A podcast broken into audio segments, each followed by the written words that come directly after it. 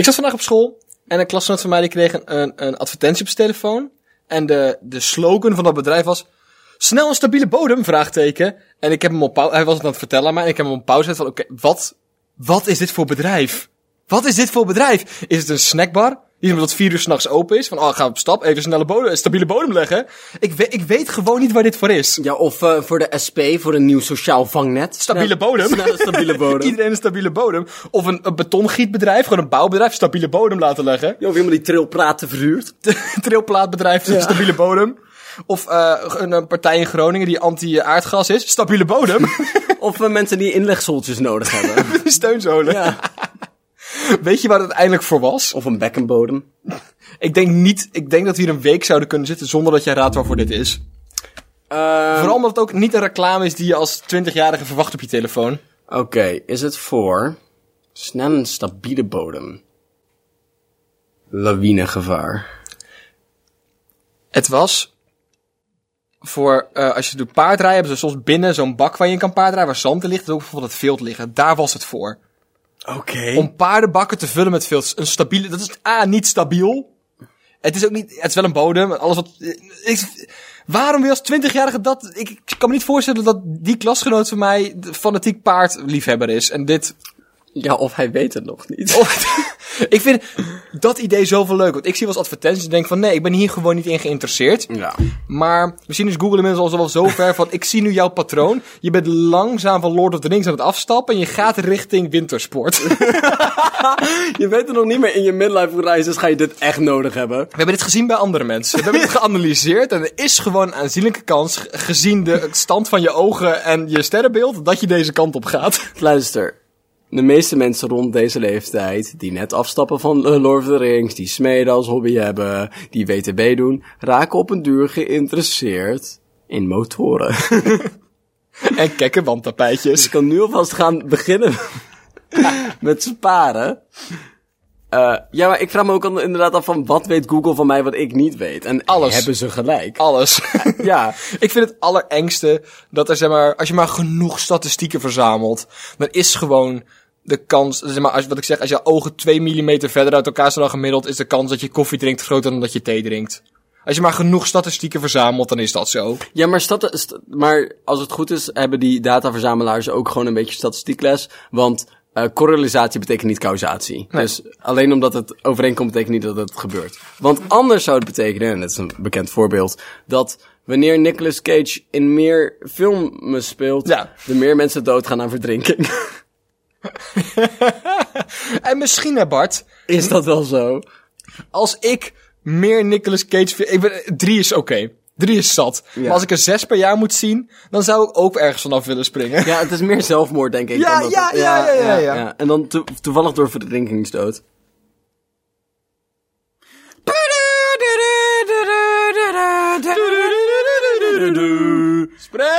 Spreculaas! Ik heb... Kijk, nieuw nieuwtje voor je. Oeh. Claim van een Rus. Apple heeft mij homoseksueel gemaakt. Ik vind dat gewoon gemeen van Google. Ja, Apple. App, dat zei ik. ik vind het gewoon gemeen van Apple. Ja, of het is gemeen van Google. En dan is het zeg maar een of andere inside operation van... Haha, we gaan al deze Russen homo maken onder de naam van Apple. En niet zozeer omdat ik zeg maar, iets tegen homoseksuele mensen heb, maar meer omdat deze man het er blijkbaar niet mee eens is. Ja. Ik vind prima als je mensen homo maakt. Helemaal prima. Maar dan moeten die mensen daar zelf toestemming voor gegeven hebben, toch? Ehm, het kan ook zijn dat het heeft over de appel van Eden. Wat de tijd van Eden. en dan heeft hij ergens wel een punt. Want er was alleen maar één man en een vrouw en dan kon je niet echt homo zijn. Nee. Moet je je voorstellen als Adam homo was. dat is iets van... Het was een heel kort bijbelverhaal geweest. Ja, dan keek naar Eva, keek naar beneden. Kut. Dat is natuurlijk niet hoe het werkt. Mannen zijn niet aangetrokken tot hun eigen piemels. Nou ja, niet meer dan heteroseksuele mannen dat Nou, zijn. maar, ik heb ooit een heel gaaf stukje gezien van een comedian. En die was zo van, weet je, ik ben niet homo. Nou, in ieder geval, niet zover ik weet. Aan de andere kant, 100% van de piemels die ik aangeraakt heb, vond ik echt tof. en maar 60% van de vrouwen waarmee ik een relatie heb gehad. Dus in theorie, statistisch gezien. Verdrinken er meer mensen als ze Nicolas Cage films zien. Ook, ik heb een, zeg maar, een stukje van een nieuwtje gelezen. En hij heeft dus nu een claim uitgebracht voor 140 miljoen roebie. Want ik heb het even, er stond een zinnetje verder, 14.000 euro is. Ja. En ik vind dit, ik vind dat weinig. nee, maar als jij van mening bent dat het zijn van homo of het homo Ja. gemaakt worden zijn door Apple zo'n groot probleem is, had ik wel meer geld verwacht dan dit. Ook waar is het dan op gebaseerd? Het feit dat hij nu een scheiding moet regelen met zijn vrouw? Het feit dat zijn kinderen nog willen gaan studeren? Ik weet niet waar dit bedrag vandaan komt. Heeft die hond een half jaar in een pension moeten zitten omdat het thuis gewoon niet gezellig was? Vergoeding voor alle vaseline die hij gaat gebruiken. dat is de slechtste grap tot nu toe. En alle Queen CD's die hij moet kopen? Maar, en ik maar denk, hè, dat, dat Apple de hele tijd propaganda zit te maken om geld aan me te verdienen, blijken ze gewoon de ondertussen met de hele tijd homo te maken. Dat valt dan wel weer mee. Ik heb maar, vanuit mijn optiek is dit een van de minst erge dingen die ze doen. ja. ja. Ik vraag me ook af wat hun aanpak was. Nee, maar even, nog heel eventjes. Oh. Ik denk dat dit, dat dit Google's manier is om bij te dragen aan het klimaat. Apple. Ik denk dat dit Apple's manier is om bij te dragen aan een beter klimaat. Oké. Want meer homoseksuele mensen betekent minder kinderen. Ik vraag me dus af. ik vraag me dus af wat hun aanpak is om mensen homo te maken. Als ze, de, als ze hier een doeleind voor hebben, als ze ergens een bestandje hebben liggen van. Oké, we gaan deze Russen echt knijter homo maken. van hoe gaan ze dat doen? Wat is een stappenplan geweest? Gewoon Ik wil vooral bij die meeting aanwezig Ja, zijn. van, ik oh, mijn vlieg op de muur te zijn waar ze iets hadden van, oké, we gaan Kevin, dus echt heel veel van laten, maar echt heel veel van En hoe gaan we dat doen? En wat ik dan ook heel erg graag wil, is dat er één iemand is die vorige week op vakantie was. En de meeting waarin ze besloten hebben dat te gaan doen gemist heeft. Dan komen we naar binnen. Oké jongens, we gaan vandaag... Ik hoop dat iemand het natuurlijk gelezen heeft. Natuurlijk heeft het natuurlijk niet gelezen. En eh, we gaan nu door met... eh, ja, de eerste AP'tje. Ja, jij, jij hebt een li- actielijstje gemaakt hoe we Kevin homo gaan maken. En Gerrit is zo van... Gaan we... wa- waarom gaan we Kevin homo... Oh, ja, vorige week besloten. Als nieuwe gameplan. We gaan zoveel mogelijk Russen homoseksueel proberen te krijgen. Kevin van nee, nee, nee, nee. Ke- Kevin, de in willekeurige, Moskou. de willekeurige Kevin uit Moskou. Oh. Helemaal fucking grappig. Het is een kleine... Het is een neefje van Poetin. Leek ons fucking grappig. echt heel leuk. Dus eh, wat ik dus heb bedacht, is eh, gay pop-ups. Eh telkens als je aan het scrollen zit, dan zei, eh, gewoon even snel de vraag, ben je al homo? Ben je al homo? Dan kunnen we polsen. Of, nee, nee, het is, maar, het is de sluipvraag. Oh. Achter in je hoofd. Die Heb je er wel over nagedacht? Je weet dat je homo zou kunnen zijn, hè? Dus maar voor de rest, het hoeft niet of zo, maar... het Kan. Ik moet een beetje denken aan die reclame van McDonald's een tijdje terug. Was het van... eh? Zo, Chicken McNuggets! En dan van, dat stemmetje in je hoofd is je avondtrek. En die heeft best een goed idee. of dan heb je... Piemels! Dat stemmetje is, is onderdrukte homoseksualiteit. En die heeft best een goed idee. of nieuwsartikelen die suggereren met handige homo-tips. Zo, zo past er een volledige komkommer in je anus. Ja, dan snap ik... Zeg maar, als je de drempel laag genoeg maakt, dan snap ik best wel dat Kevin op de deur zoiets heeft van... En dan kan ik het ook uit gaan proberen. Ik, weet- ik weet nu wel wat ik moet doen. Ik heb nu staan, mocht ik o- aantekeningen gemaakt, mocht ik ooit in een situatie zijn dat ik denk, nou, nou, proberen Nou. we dat een keer, dan is hij voorbereid. En dat is drempels verlagen. Ik heb altijd, Ja. ik heb altijd van Bart geleerd dat het belangrijk is om drempels te verlagen als je, zeg maar, Ja. goals probeert te bereiken. Ja, en als je iemand homo probeert te maken, moet je gewoon die drempels verlagen van wat moet je doen om goed homo te zijn. Ik heb een nieuw nieuwtje. Nixon is a Dutch lifestyle concept of doing nothing. And you're about to see it everywhere. Ik zie het al een tijdje eh, overal, namelijk in mijn eigen gedrag. En ik zou het niet per se een levensstijl willen noemen. Maar als een gebrek aan een maar meer een flinke karakterfout. flinke karakterfout. nou, voor mij persoonlijk heet het ADHD, maar... Iedereen kan het anders noemen. Het is met name door je beestje naam wil geven. Nee, wat ik altijd heel jammer vind, ik voel me niet heel sterk een Nederlander of een Zeeuw of een Brabander of wat dan ook. En de enige manier hoe Nederland probeert mij daarbij te betrekken, zeg maar, zijn dingen als voetbal, maar daar geef ik gewoon niet zoveel om, zeg maar, de dingen die groot cultureel z'n allen doen. En dan zijn het dus concepten als apartheid en Nixon, waar we blijkbaar over de hele wereld mee geassocieerd worden. En dat maakt niet dat ik liever een Nederlander wil zijn. Nee, ehm, ik heb ook het gevoel dat die twee gerelateerd zijn. dat we alleen maar hebben kunnen niks omdat we alle slaven hadden die alles deden. Al, jongens, alles wat jullie ondernomen hebben tot op dit punt was zo kut. Doe maar even een tijdje niks. Neem maar even een pauze in je leven.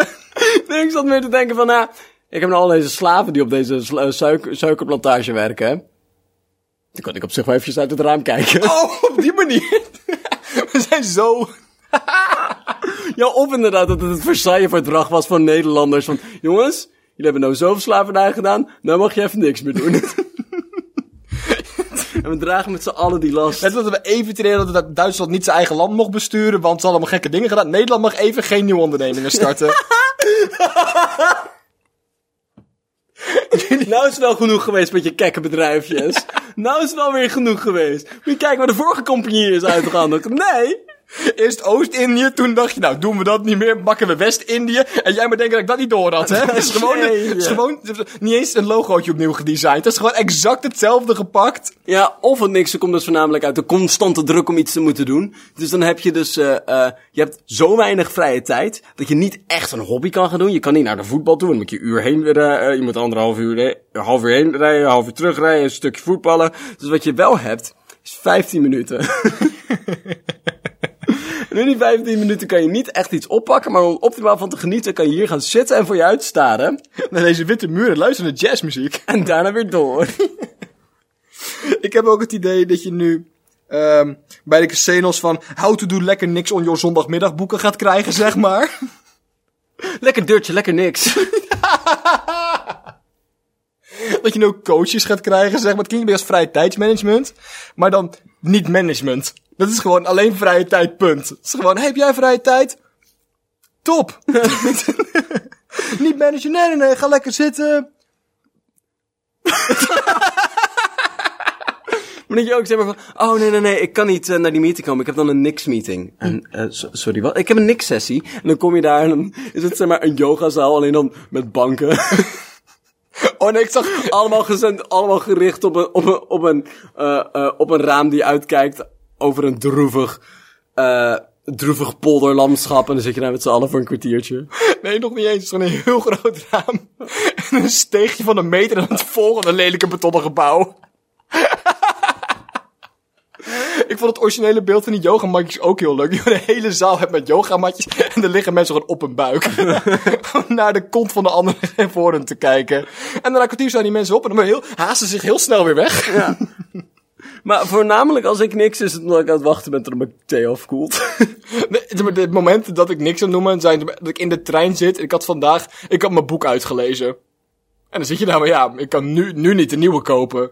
Want bol.com doet niet bezorgen in treinstel 247. Wel 244, echt kut. Ja, die had ik gewoon net niet. Dat ik mijn overstap. Dat was echt heel jammer.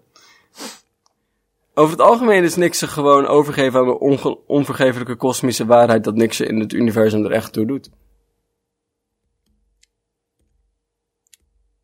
Ik heb nog een nieuwtje voor je meegenomen. En het is Entree van Zeeland is groot openbaar toilet. Hier, dit, heb, dit nieuwtje heb ik dus eventjes behoorlijk goed geanalyseerd. En ik heb hier een mening over. Ik wil een uiteenzetting. Ik kan me dus niet voorstellen.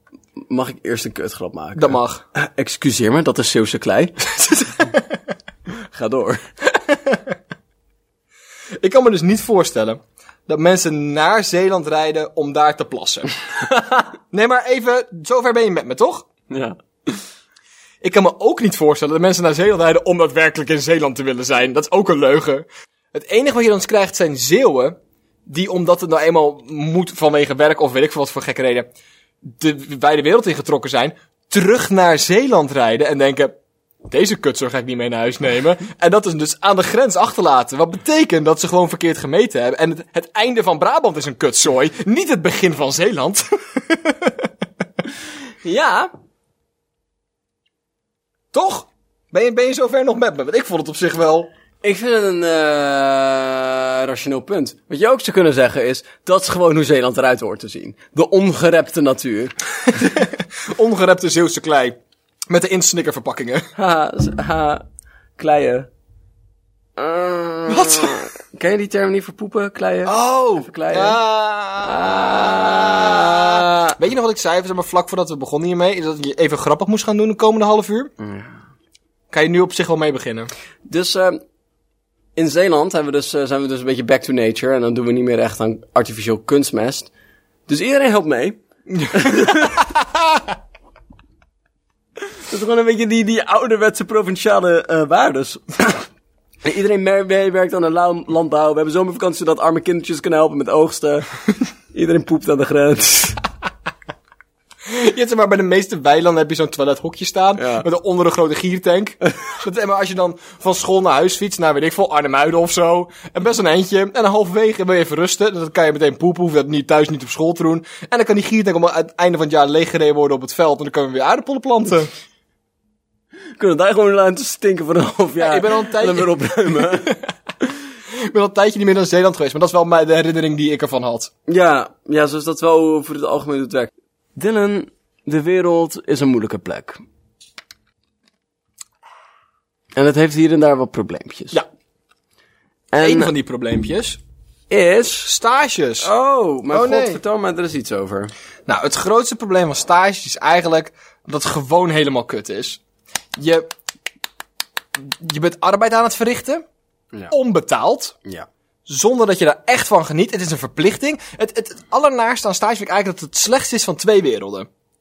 Ja. Dat is namelijk dat je wel moet werken, maar het voordeel van werk is dat je er betaald voor krijgt. Wat dus niet waar is in de meeste gevallen, of schandalig weinig. Maar het ook nog steeds wel de negatieve dingen van school zijn, dat je huiswerk moet maken. Je moet er verslagen over tikken. Want dat is het mooie aan werken. Zie je, na, na gewoon een vijf uur ben je klaar. Ja. En dat is het mooie van school, is dat je, weet je, je kan gewoon af en toe niet naar school gaan. Ja. Maar dat is het hele jammere van stages, het, het nare van al die werelden. Waar ik me dus echt op wil richten, is het feit dat je, zeg maar, weinig leert. Je leert wel iets, je werkt in een bedrijf, maar het is meestal, je krijgt de kuttaakjes, je moet alles printen en kopiëren, en je mag niet echt je werk doen. Koffie hè? zetten en vegen. Want je bent, hè, je bent een stagiair. En daar leer je ook zo weinig van. Ja. En in mijn ervaring leer je het meeste als je eigenlijk heel erg onder druk wordt gezet. Ja. Dus ik heb een aanbod. Oh. In plaats van stagiaires de stagiaire positie krijgen van, ah, iemand moest het doen. Ja. Vertellen we niet aan het bedrijf zelf, maar dan geven ze gewoon top ranking functions. Voor een halfjaartje. Ik vind, maar dat je dus, dat je dus, je hebt bedrijven Ja. en die huren dan externe bureaus in om, om sollicitanten aan te nemen. En dat zijn het grootste deel van de tijd gewoon mensen die ze vragen voor die functie. Maar soms gooi je ze een stagiair tussendoor. Ja. Is het gewoon van, hé, hey, ja, eh Berend van eh, afdeling 5a, die gaat volgende week met pensioen. Dan komt een nieuw joch, Kevin, en die, eh, die gaat voor een halfjaartje overnemen. Ja, 17. nee, niks wordt erbij verteld. en dan komt hij aan van, ehm, ik heb me geschoren en ik bloed. Maar wat hij dus wel leert, Mijn moeder heeft het overhemdje vanmorgen voor me klaargelegd. Een boterham met pindakaas mag ik om 12 uur opeten, zeker? nemen we dan pauze? Nemen we dan pauze? Nemen we allemaal pauze dan, of, of niet? Maar wat hij dan wel leert, binnen twee weken is dat gezij klaar, hè? Binnen twee weken is dat gezij klaar, want dan weet hij hoe het werkt. Hij weet wat er van hem wordt gevraagd. Hij weet hoe hard hij moet werken, want hij weet dat als hij het niet doet, dan gaat het allemaal fout, Kevin. Dan gaat het allemaal fout, Kevin. Dan krijg je een 1. Dan krijg je een 1, Kevin, dan sla je je niet. Ik denk, ik, ik vind ook wel dat we daar een bonus voor in moeten richten, zeg maar. En de, in de meeste gevallen zie je dat Kevin 17 is. Ja, ja. Maar er zijn, zeg maar, ehm als je wat later in die opleiding bent, of gewoon al wat ouder bent, zeg maar, dan zijn er van die, en niet een super belangrijke functie hebt, dan zijn er van dingen van, dit is een jongeman, maar dat zou kunnen. Ja. Dat je maar elke dag, dat jij het kan faken dat je daar daadwerkelijk werkt en geen stagiair bent, krijg je een punt hoger. Ja. Dus als jij een week kan faken. Dat je daar daadwerkelijk een, een week lang niemand door hebt dat je eigen stagiair bent, zit je al op een voldoende. Zo ben van wie is de mol, hè? Ja, en iedereen let wel een beetje op, want eens of er zitten stagiairs tussen, maar ja, je gaat ook niet elke willekeurige vent aanspreken hiermee. Dus dat is ook, Als je tegen je baas zegt van, ben jij een stagiair? Heeft die baas van... ik betaal, ik, be- ik betaal jouw loon. Wat er ook bij Willen jouw komt- vrouw en kinderen nog eten deze week, of zal ik je meteen naar huis sturen? Of, eh maar wat er ook bij komt, Of heb je hè, nog spaargeld staan? wat er ook bij komt, hè, is als jij dan eventjes baas hebt gespeeld, dan weet je ook eigenlijk dat hetgene wat hij doet helemaal geen kut voorstelt. en als je baas van, ja, maar ik werk heel hard, van, echt niet, Kevin kan het.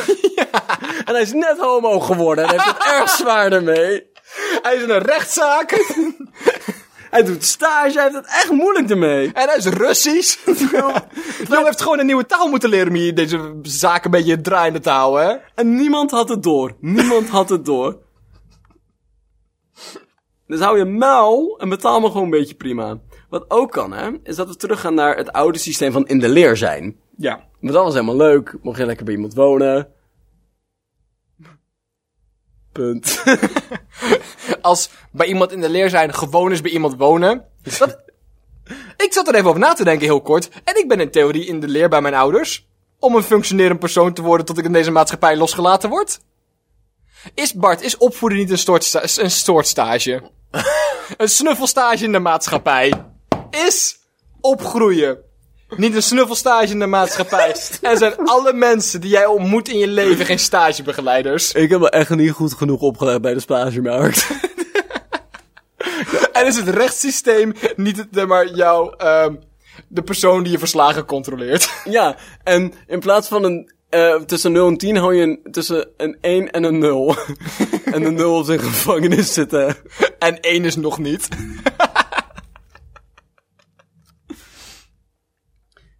Ja, het leven is één grote leermeester.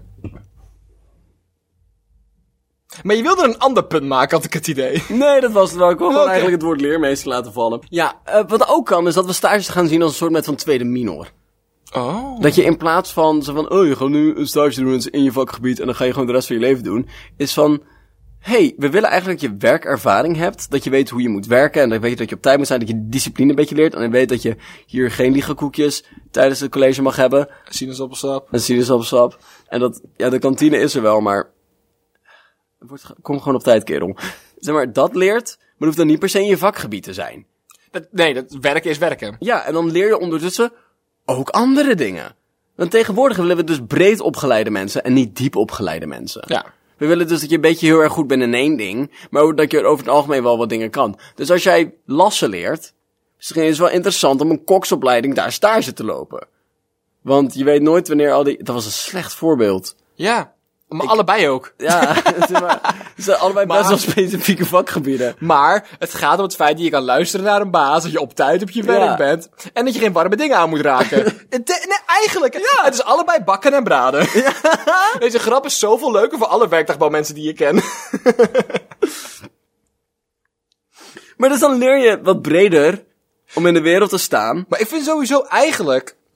Want ik heb al best wel veel stages gelopen, zeg maar. Omdat dat gewoon mijn, mijn, mijn, mijn opleiding doet, dat, doet daar iets meer mee. Maar ehm er zijn best wel mensen die gewoon ooit één keer een stage moeten lopen in een opleiding. En als dat toevallig een kutervaring was, dan heb je van, oh, is dit, is dit wel iets voor mij? Of is dit wel... Terwijl het veel belangrijker is dat je snapt hoe bedrijfsculturen werken. En dat het op tijd komen is belangrijk. En je, je werk daadwerkelijk is belangrijk, maar dat ga je nog wel een keer leren. Maar ik denk dat heel veel meer korte stages veel interessanter zijn. Wat nou als we... We, we, we lossen het probleem op, eh, ehm, we lo- lossen het probleem op dat het niet uitdagend genoeg is en dat je niet echt altijd op je plek zit. En we maken een kleiner land binnen Nederland. Oeh. En dat wordt stageland. Links naast Smalland. Want- een stageland is zeg maar een microcosm van allerlei bedrijven waar je stage in kan lopen. Alleen dan niet echt. Willen we dan, zeg maar, nog een stukje van het IJsselmeer droog leggen? Of had je Ja. een andere provincie in Nee. gedachten? Of Drenthe. of de rest van het IJsselmeer. Oké, ja, dat is nog even... Of we blazen een zandplaat op of zo. Dat Dat zijn is we voor de gemeente om te bepalen. Of we maar... pakken Zuid- eh, Zuid-Afrika weer. Dat lukte de vorige keer best wel prima. een lekker klimaatje. We hebben ook leuke stageplekken gemaakt. Nou, is op tijd komen we niet zo'n probleem. Dat is een hele andere cultuur. Maar dus dan doen we dat. Dan maken we stageland. En dan kan je daar allemaal kleine bedrijfjes in hebben. En dan kan je, zeg maar, dan kan de pencil even proberen. Oh, is het om in een toppositie te zijn? En oh, is het om echt te werken als filosoof? Wat, hè? Hoe... Bart, eh, leg me even uit. Hoe wil je dat gaan, gaan reconstrueren? Of hoe wil je dat, zeg maar, vorm gaan geven? Gaan we nou gewoon dromen? Tenzij anderen nog andere gave ideeën hebben om de wereld te redden van stages. Nee, ik denk dat, ik denk dat eigenlijk het allerbelangrijkste is van stages... Is dat ze mensen gewoon als mensen zouden gaan behandelen? Dat dat al een heel goed begin is.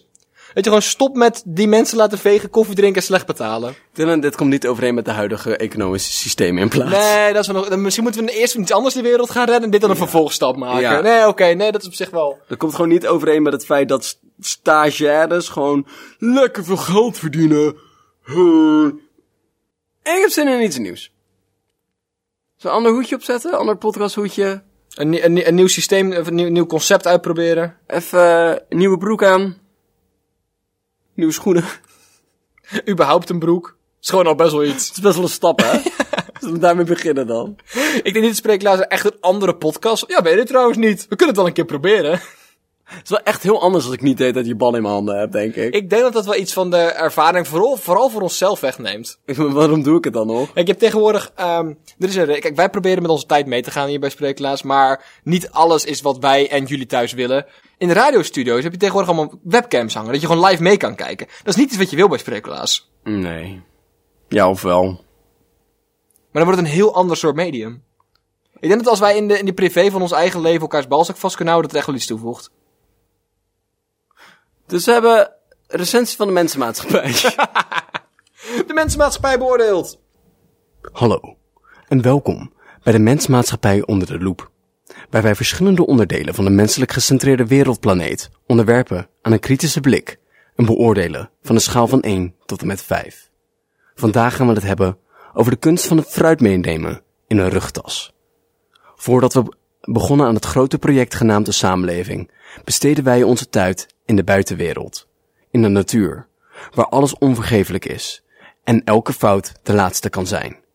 En waar fruit en groente nog wild groeiden. In deze tijd waren we bezig met de taken van jagen en verzamelen.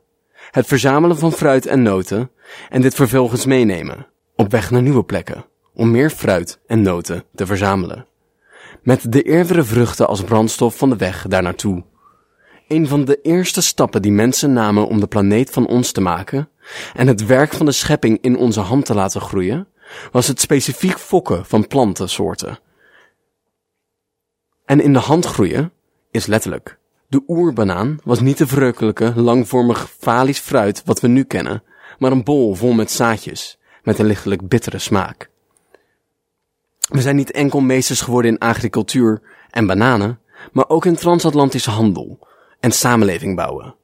En in al dit lijken wij de wortelen maar niet te kunnen ontsnappen. We hebben alles wat we kunnen hebben op een plek, maar die vruchten zijn snel geplukt. Dus we trekken door. Van huis naar school. Van school naar de sportschool. Van de sportschool naar de supermarkt. Om daar een banaan op te halen. Die, on, die in onze rugtas verdwijnt. Om de volgende ochtend op school er weer uit te halen. En ons brandstof te brengen voor de komende reis. Ik geef het meenemen van fruit en rugtassen drie en een halve ster. Andere mensen een tent zien opzetten. De dagen worden langer. Het licht verdrijft de kou die hier maandenlang huisgehouden heeft en brengt de zomer met zich mee. Studenten maken hun laatste examens. Werknemers jatten voor de laatste keer stapeltjes printpapier mee. En de hond schijnt nog één keer onder zijn favoriete boom voordat hij voor de vakantie bij de oma en Boksel afgezet wordt. Het is zover. Heel Nederland pakt de badmintonrackets en stapt in de auto naar Zuid-Frankrijk. Twee volle dagen in een warme auto, terwijl je luistert naar de Franse radio of de afspeellijst van je vader. Met beperkte bewegingsruimte en het toch al matige verweerd zin in deze twee weken die op zichzelf maar anderhalve ster waard zijn. Maar daar komen we hier niet voor. We zijn hier vandaag om iets anders te reviewen. Namelijk wat er gebeurt als je aankomt op die camping. Je hebt je tent opgezet, je stoeltje in het zonnetje daarnaast en een boek gepakt waar je al een jaar in bezig bent, niet verder komt. Maar aan die ene vriend beloofd heb je het uit zou lezen, dus die pak je. Je slaat het open. Maar van lezen komt niet veel. Je oog, je oog valt op het plekje schuin tegenover je waar een stel aankomt. Jong, hooguit een paar jaar ouder dan jijzelf. Ze lijken gelukkig dat ze aangekomen zijn. Je beeldt je in dat hun reis waarschijnlijk net zo lang, warm en plakkerig is geweest als die van jou. En je begrijpt de euforie van het aankomen en denken dat de vakantie nu echt begonnen is. Maar je weet wel beter. De blije gestalten, gehuld in een korte broek, teenslippers en t-shirts, lopen naar de achterkant van hun auto. Ze halen daar een zak uit, die waarschijnlijk meer relaties kapot heeft gemaakt dan de concepten vreemd gaan, ruzie over de afwas en over het wc-rolletje hangend met het losse velletje naar of juist van de muur afgeplaatst moet worden, samen. Het is een Zuid-Frankrijk equivalent van een IKEA-kast in elkaar zetten. Je ziet de gezichten vertrekken. Antwoorden worden korter en killer. Zweedruppeltjes die toch al aanwezig waren worden talrijker. Het liefst zou je ze te hulp schieten. Al was het maar als een mediator. De vrede bewaken. En zo'n tent opzetten gaat veel makkelijker met z'n drieën. Je ziet de fouten die ze maken, de handen die ze tekort komen. Maar nee. Je weet dat hierin inbreken niet eerlijk zou zijn. Ze moeten het samen doen. Hoe graag je ook zou willen. Het is niet aan jou. Als een moeder die haar kind ziet worstelen met het strikken van zijn veters. Je gaat zo trots zijn als het hem zelf lukt. En hij gaat zoveel trotser zijn. Hij heeft zijn eigen veters gestrikt. Een skill die hij nu voor zijn hele leven heeft. Maar Dylan hoor ik je denken. Het is maar een kind. Wat als het niet goed gaat? Zijn veter losraakt en hij valt. Wat een tragedie. En vooral een tragedie die voorkomen had kunnen worden als iemand die zijn veters wel kon strikken het voor hem gedaan had. Maar nee, dit is een leermoment. Zijn leermoment. Zijn moment om te laten zien dat hij het kan. Of achter te komen dat hij het niet kan. En daarvan te leren. Ik geef andere mensen een tent op zien zetten twee sterren. We verlaten u met het geluid van twee mensen die samen een tent in elkaar aan het zetten zijn. Nee, Nee, hij moet door het Ik heb oranje het lusje. blauwe, blauwe stok vast. En een blauwe... Er is een reden, er is een reden, dat oranje er is een reden dat die kleur gecoördineerd is. Niet, het moet niet eerst de blauw. Er is geen enkele reden waarom we eerst de blauwe zouden Wel, doen. die zit toch in het... Nee, de oranje als eerste. ja. Die zit door het midden heen. Oké, wacht. Ik heb hem opstaan. Dan moet ik nu die blauwe er weer uit gaan halen dus. Ja, tuurlijk moet je... Nee, je moet hem aan die kant erin laten. En je moet hem nu aanpakken. Ik Ja, Oké, ja, oké, ja, twee, ja. Één... Je moet wel kracht, dan! je moet er kracht, Oh, je op- je moet er kracht op blijven zetten, anders gaat hij de andere kant er weer uit. Ik ga vreemd met Mark. Wat? Deze week heb ik geleerd dat homoseksueel zijn geen ziekte is, maar technische innovatie. Deze week heb ik geleerd dat niks het deel is van ons koloniaal verleden. en ik wil van jullie ook nog even achterlaten met een gedachte. Iets om over na te denken. Iets om mee te malen. Waarom heb ik een tweede set tanden nodig? Waarom was de eerste niet... Waarom kon ik niet in één keer beginnen met een juiste set tanden? Moedermelk? Maar dat is niet. Heeft moedermelk een pH-waarde van 14? Zodra jij, zodra jij tanden hebt, zit je niet meer aan de tepel. Nee, in- bij voorkeur niet. Bij voorkeur zit je dan voor een x aantal jaren niet meer met je mond aan tepels. Maar waarom kan ik dan niet gewoon direct fatsoenlijke tanden hebben? Dat is een goede vraag die een je nu stelt. Dat is een goede vraag die je nu stelt. En Eentje zit- die we niet gaan beantwoorden. En wanneer, zeg maar, op welk moment was het evolutionair gunstig van nee, nee, nee, nee, nee, nee, nee. Je gaat dus een tijd hebben waar je geen voortanden hebt. Maar heel veel dieren hebben dit. Want honden doen dit ook gewoon. Nee, maar honden wisselen toch de hele tijd door? Nee? Die hebben ook een setje moedertan moedertanden. Setje melk... setje melktanden. En dan zet je mama En een setje mamatanden. Grote kindertanden. Grote kindertanden. Maar even wacht, maar up- Maar tanden. als het een update is. Je hebt dus melktanden. dan heb je, dan heb je z- bronstanden. IJzertanden. Jonge doltanden. Daarna ga je naar je midlife crisis tanden. Dan ga je naar je stalen tanden. je kunstgebit. Ja, waarom heb je je tanden op de deur zoiets van, yo, later. Dat we te veel suikers eten.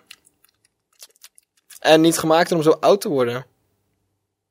Ik vind het idee niet gemaakt zijn om iets te doen wat we doen heel raar. Maar indirect zijn we ook gemaakt om het wel te doen, want anders deden we het niet. Nee, maar dat is het, dat is het die, in, die, die, die link die dus niet helemaal klopt.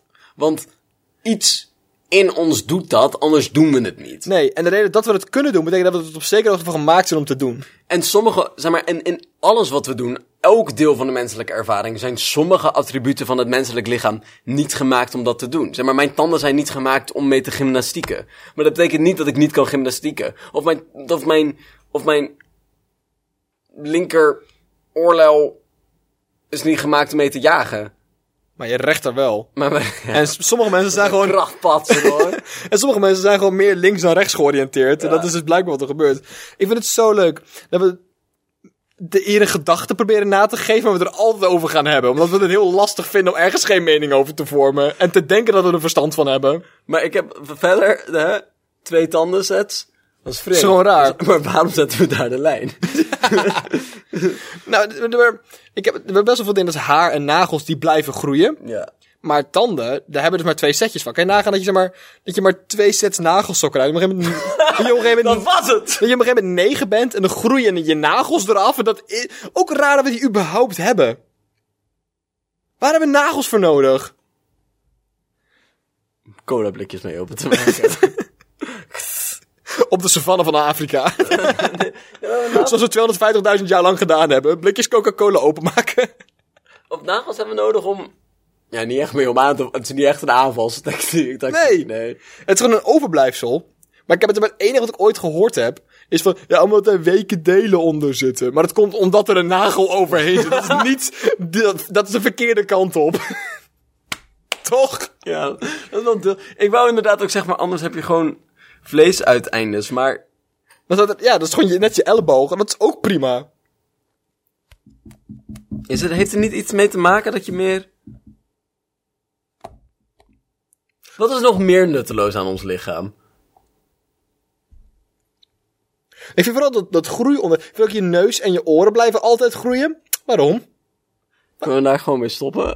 Waarom? Ik vind het nu Net als, prima. kijk, het haar vind ik prima. Haar op mijn hoofd vind ik prima. Het feit dat ik haar op mijn borst en mijn grote tenen heb, heb ik geaccepteerd. Maar er is geen enkele goede reden waarom er een punt in mijn leven gaat komen dat haar denkt, hoe laat ik uit die neus gaan groeien.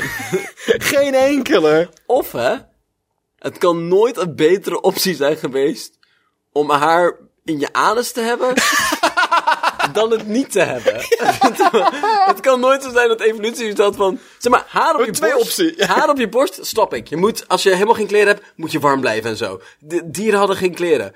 Maar nooit was het geweest van, yo, wat ik echt nodig heb, de helft van deze diarree vasthouden. Fungeren als de smerigste spons die je ooit hebt gezien. Heb je ooit gehad dat je zeg maar iemand van, ha, ik doe nu zeg maar pindakaas in je haar smeren en je een wc-papiertje pakt, twee keer de langs veegt. Nou, dat is schoon. nee! Oh. Dus, melktanden. Wat heeft het te maken met melk? Ik zie de melkrelatie niet. Gaan we nu eindigen met van, oh, we moeten dus iets anders hebben om na te geven. En dan doen we alsnog dat kapitalistische kutstukje. Dat is wel heel leuk. Ik, wil eigenlijk, ik vond me eigenlijk gewoon hier eindigen wel mooi. Ja? Ja, denk ik wel.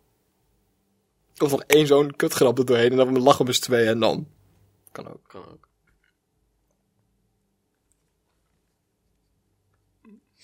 Zijn wij naar?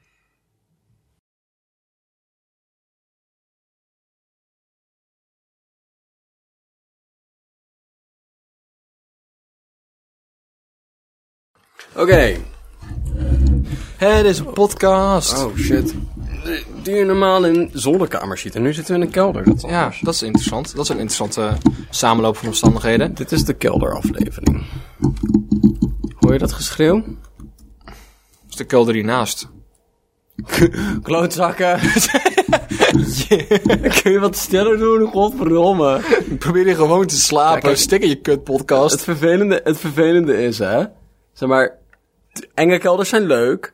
Maar het is helemaal kut als andere mensen andere intenties hebben voor enge kelders. Maar ik wil een enge kelder hebben. Maar hun willen een sekskelder hebben. En degene hiernaast wil een gamekelder hebben. En ja, het is helemaal kut. Want die zo- elkaars esthetiek. Dan heb je nog zo'n, zo'n eh, ik ben 40 en ik ga door een eh, midlife crisis en ik wil hier een bar en een kelder hebben. Ja. En die dingen naast elkaar is gewoon, iedereen heeft daar andere ideeën. Ook op andere tijden. Dat is het enige voordeel dat je dan nog hebt. Maar ja, En ook, eh, en ook wat dacht je van, eh, ik mag mijn zoon en dochter van 16 jaar eigenlijk niet, maar ik heb wel een hele hoop geld, dus ik kan ze hier een kamer geven en hoeven ze niet meer boven te komen. bijvoorbeeld, en dan krijg je een koelkast erbij en een aparte voordeur. Of ik heb nu al drie keer gezien dat je seks hebt met je vriendje op de bank. Hier heb je je eigen bank en je eigen woonkamer. Kun daar seks hebben, viezerik. Echt hè? Ik snap niet, zeg maar, of de vader die zegt van, ik snap niet zo goed waarom je een kelder nodig hebt voor draken, voor Dungeons and Dragons, maar hier heb je een. Ik heb het even gegoogeld. en ik, ik, ik weet dat je tegenwoordig Dungeons Dragons speelt. En ik wil je iets cools geven voor je verjaardag. En Dobbelstenen zei, ja, weet je, ik wil er wel iets, iets aan, aan besteden. Dus hier heb je een kelder. Dra- draken waren tweede, zelfs tweedehands gewoon niet betaalbaar. Sorry, ik heb echt voor je gekeken.